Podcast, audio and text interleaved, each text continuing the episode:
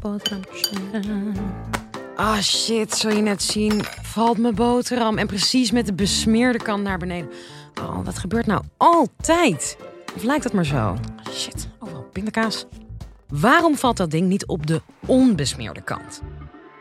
Nou, dat weet de wetenschap, want Minke Berghuis van Universiteit Twente zocht het voor ons uit. Dit is de Universiteit van Nederland.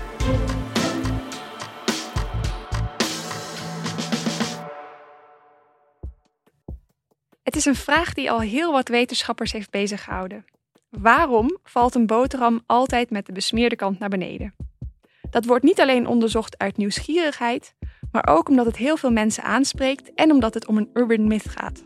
Je wilt als wetenschapper toch graag bewijzen of iets waar is of niet. En daar is theorie voor nodig. In dit geval zijn er verschillende theorieën. Lijkt het alleen maar zo? Is het eigenlijk 50-50? Of heeft het iets met zwaartekracht te maken? Of een boterham echt altijd precies verkeerd terechtkomt en waarom, vertel ik in deze podcast.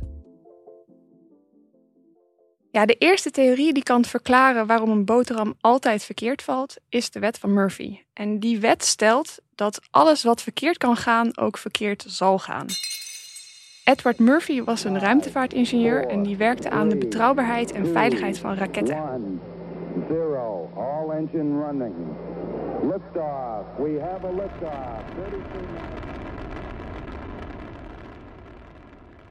De opmerking alles wat verkeerd kan gaan, zal ook verkeerd gaan, bedoelde hij eigenlijk helemaal niet fatalistisch of pessimistisch zoals we het nu af en toe uh, gebruiken. Maar in zijn werk was hij vooral bezig met het voorkomen van menselijke fouten. Dus wat hij bedoelde was dat als er twee of meer manieren zijn om iets te doen, waarvan één van de manieren uitloopt op een catastrofe, dan zal er vroeg of laat iemand zijn die het dus precies op die manier doet. Zo moest hij een experiment uitvoeren met levensgevaarlijk hoge snelheden. Maar nadien bleek dat de sensoren die hij nodig had helemaal niet gewerkt hadden, omdat iemand de elektrische draadjes verkeerd om had aangesloten. Dus het feit dat die draadjes überhaupt verkeerd om konden worden aangesloten, dat maakt het ontwerp dus onveilig. En die menselijke fouten wilde Murphy graag voorkomen. Nou, in het dagelijks leven wordt Murphy's wet meestal komisch gebruikt. We gebruiken die wet niet als waarschuwing, maar als verklaring of drijvende kracht achter dingen die fout gaan.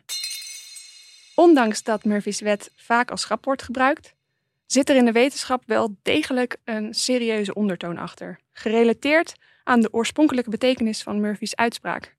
Dus het voorzien van risico's en daar ook naar handelen.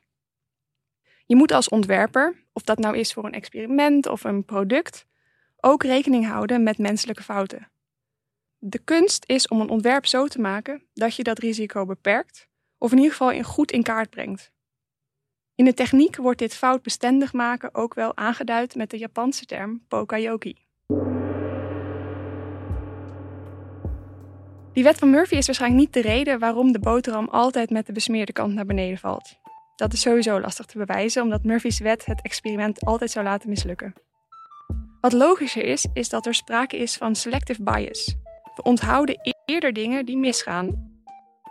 In 1991 testte de BBC dit door 300 beboterde boterhammen in verschillende situaties in de lucht te gooien.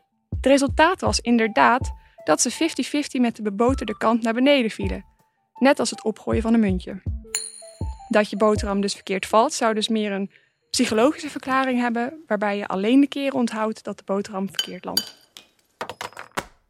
Dus is het antwoord daarmee: de boterham valt niet altijd met de besmeerde kant naar beneden? Nee, ook niet. Want in de praktijk gooien we die boterham niet in de lucht, maar glijdt die van tafel of van je bord. En dan valt die boterham wel vaker met de besmeerde kant omlaag. Dat een boterham die van een tafel valt, dus wel vaker met de verkeerde kant naar beneden valt, dat schijnt erop te duiden dat de manier waarop je de boterham laat vallen uitmaakt. Laten we eens vanuit een natuurkundig perspectief naar die vallende boterham kijken. Zou het kunnen dat door het beleg aan één zijde van de boterham die boterham anders valt? De gedachte is dat de boterham aan één kant zwaarder zou kunnen zijn dan de ander. En daardoor zou die boterham met dat beleg omlaag vallen. In 1995 legde natuurkundige Robert Matthews uit dat dat waarschijnlijk niet klopt. Een gemiddelde boterham die weegt 35 gram. Het gemiddelde beleg is 4 gram. Maar dat smeer je natuurlijk ook gelijkmatig uit over die boterham. En het trekt er ook nog een beetje in. Dus in verhouding is de massa die je toevoegt aan één kant heel erg klein.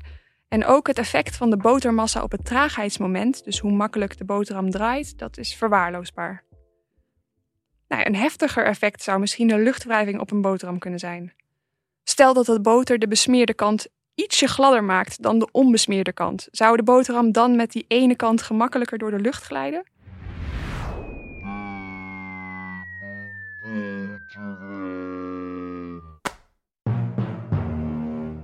Beide effecten, de toegevoegde massa aan één kant en het verschil in luchtwrijving, zijn heel erg klein.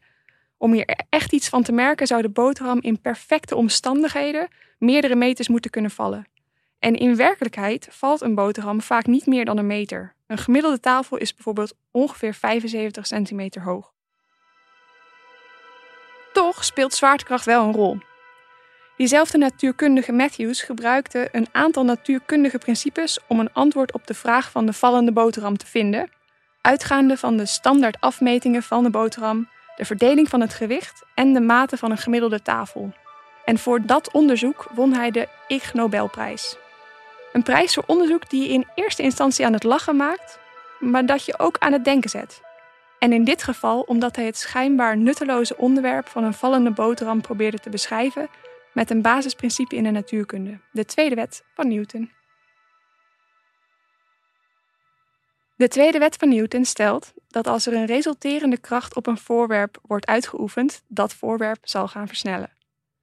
Wiskundig gezien kun je deze wet ook uitschrijven in een zogenoemde bewegingsvergelijking. Dat is een formule die, als je hem op kunt lossen, precies uitdrukt hoe iets door de ruimte en tijd beweegt. Misschien ken je het bekende voorbeeld van een appel die volgens de verhalen op het hoofd van Newton viel wel. Dat is de zwaartekracht die de appel recht naar beneden laat vallen.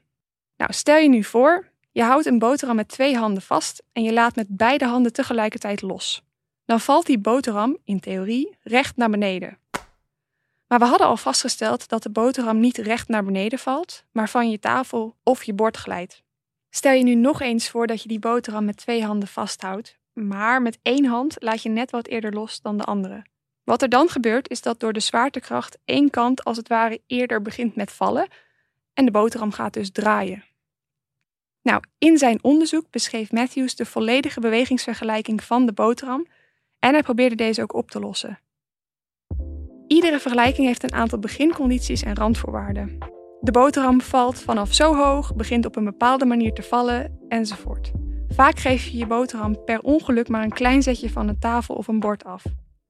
We weten dus hoe de boterham begint met vallen, maar ook de gemiddelde hoogte van een tafel, zo'n 75 centimeter. Als je aanneemt dat de boterham langzaam over de rand geduwd wordt en de vergelijking oplost, dan kom je erop uit dat de boterham meer dan een halve, maar minder dan drie kwart draai maakt. Dus net niet helemaal over de kop. Oftewel, de boterham, die met de besmeerde kant bovenop tafel lag, is geneigd met die besmeerde kant naar beneden te eindigen. Als een boterham echter horizontaal van de tafel afgeschoten wordt, dus met hogere snelheid, sneller dan 6 km per uur, dan is er niet eens genoeg tijd om een halve draai te maken. Dan schiet de boterham horizontaal vooruit en wordt hij door de zwaartekracht alleen maar naar beneden afgebogen, maar niet omgedraaid. Daar is de hoogte van de tafel wederom te klein voor. Dus door de manier van vallen en de lage snelheid draait de boterham, maar niet ver genoeg. Rond 2001 is er meer onderzoek gedaan om die bewegingsvergelijking niet alleen uit te schrijven, maar ook experimenteel aan te tonen. Dat is vrij normaal in de wetenschap. Je probeert een theorie of model te verbeteren. Dus hetzelfde riedeltje van vraag, antwoord, nieuwe vraag geldt ook voor wat serieuzer onderzoek. In dat nieuwere onderzoek van Michael Bacon zijn videoopnames gemaakt met hoge snelheidscamera's om in een experiment vast te stellen of die beweringen van Matthews kloppen. En dat doen ze met nog een kleine verfijning. Matthews nam aan dat het moment waarop de boterham zo schuin gekanteld is dat hij van de rand af dreigt te schuiven, ook het moment is dat de boterham het contact met de tafel verliest. Daarom verwaarloosde hij dit schuifgedrag. In de experimenten met de hoge snelheidscamera's merkten de onderzoekers echter op dat de boterham niet meteen loskomt van de tafel, maar daar toch nog een klein eindje overheen schuift voordat de boterham daadwerkelijk begint met vallen. En daardoor krijgt die boterham als het ware een extra zetje en kan hij dus verder doordraaien dan Matthews had beschreven. Dit effect, dat wordt veroorzaakt door de wrijving tussen de boterham en de tafel, zorgt ervoor dat een besmeerde boterham dus niet altijd met de besmeerde kant naar beneden valt. Maar toch toonde ook dit onderzoek aan dat door de wrijving en hoe ver de boterham in eerste instantie uitsteekt over de rand van de tafel, ook nu diezelfde boterham meer dan 90 graden en minder dan 270 graden draait en dus wederom met de besmeerde kant naar beneden valt. Sowieso is natuurkunde, zoals ik dat net beschreven heb, een perfecte beschrijving van de realiteit. Maar in de werkelijkheid zijn de begincondities en de randvoorwaarden natuurlijk niet altijd gelijk aan wat je aannam. De boterham kan net even anders vallen of een extra zetje krijgen, waardoor je toch geluk kan hebben en de boterham wel gunstig valt. Een rigid body model, zoals Matthew dat gebruikte voor het schijnbaar nutteloze onderwerp van een vallende boterham, dat is ook een model wat veel wordt gebruikt voor het simuleren van bewegingen van starre objecten. Bijvoorbeeld robots die je wil aansturen of bewegende machines of achtbanen. En de uitdaging is om steeds meer detail toe te voegen, dus meer objecten of objecten die een beetje flexibel zijn, zonder dat het oplossen van de vergelijking te ingewikkeld of te duur wordt. Een kleine fun fact tussendoor. Mijn persoonlijk onderzoek gaat over objecten die niet zomaar flexibel zijn, maar hyperelastisch. Dus denk bijvoorbeeld aan superflexibele elastiekjes. Wij willen een zogenoemde soft robot arm maken van zachte siliconen om bijvoorbeeld kwetsbare spulletjes zoals frambozen of bloemen mee op te pakken. Of om operaties mee te, uit te voeren zonder dat je het omliggende weefsel kapot drukt. Nou, nog even terug naar die boterham.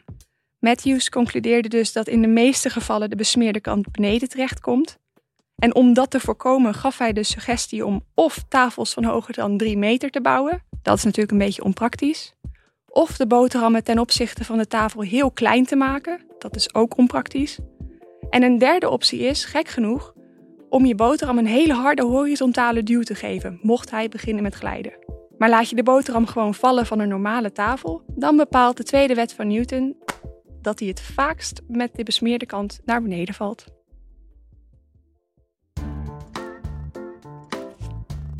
Dat was Minke Berghuis. Hey, en vond je het nou een leuke podcast? Word dan vriend van de show. Voor 2,50 euro per maand help je ons de gekste vragen te beantwoorden met de wetenschap. Hoe leuk! Check de beschrijving voor meer info en alvast bedankt.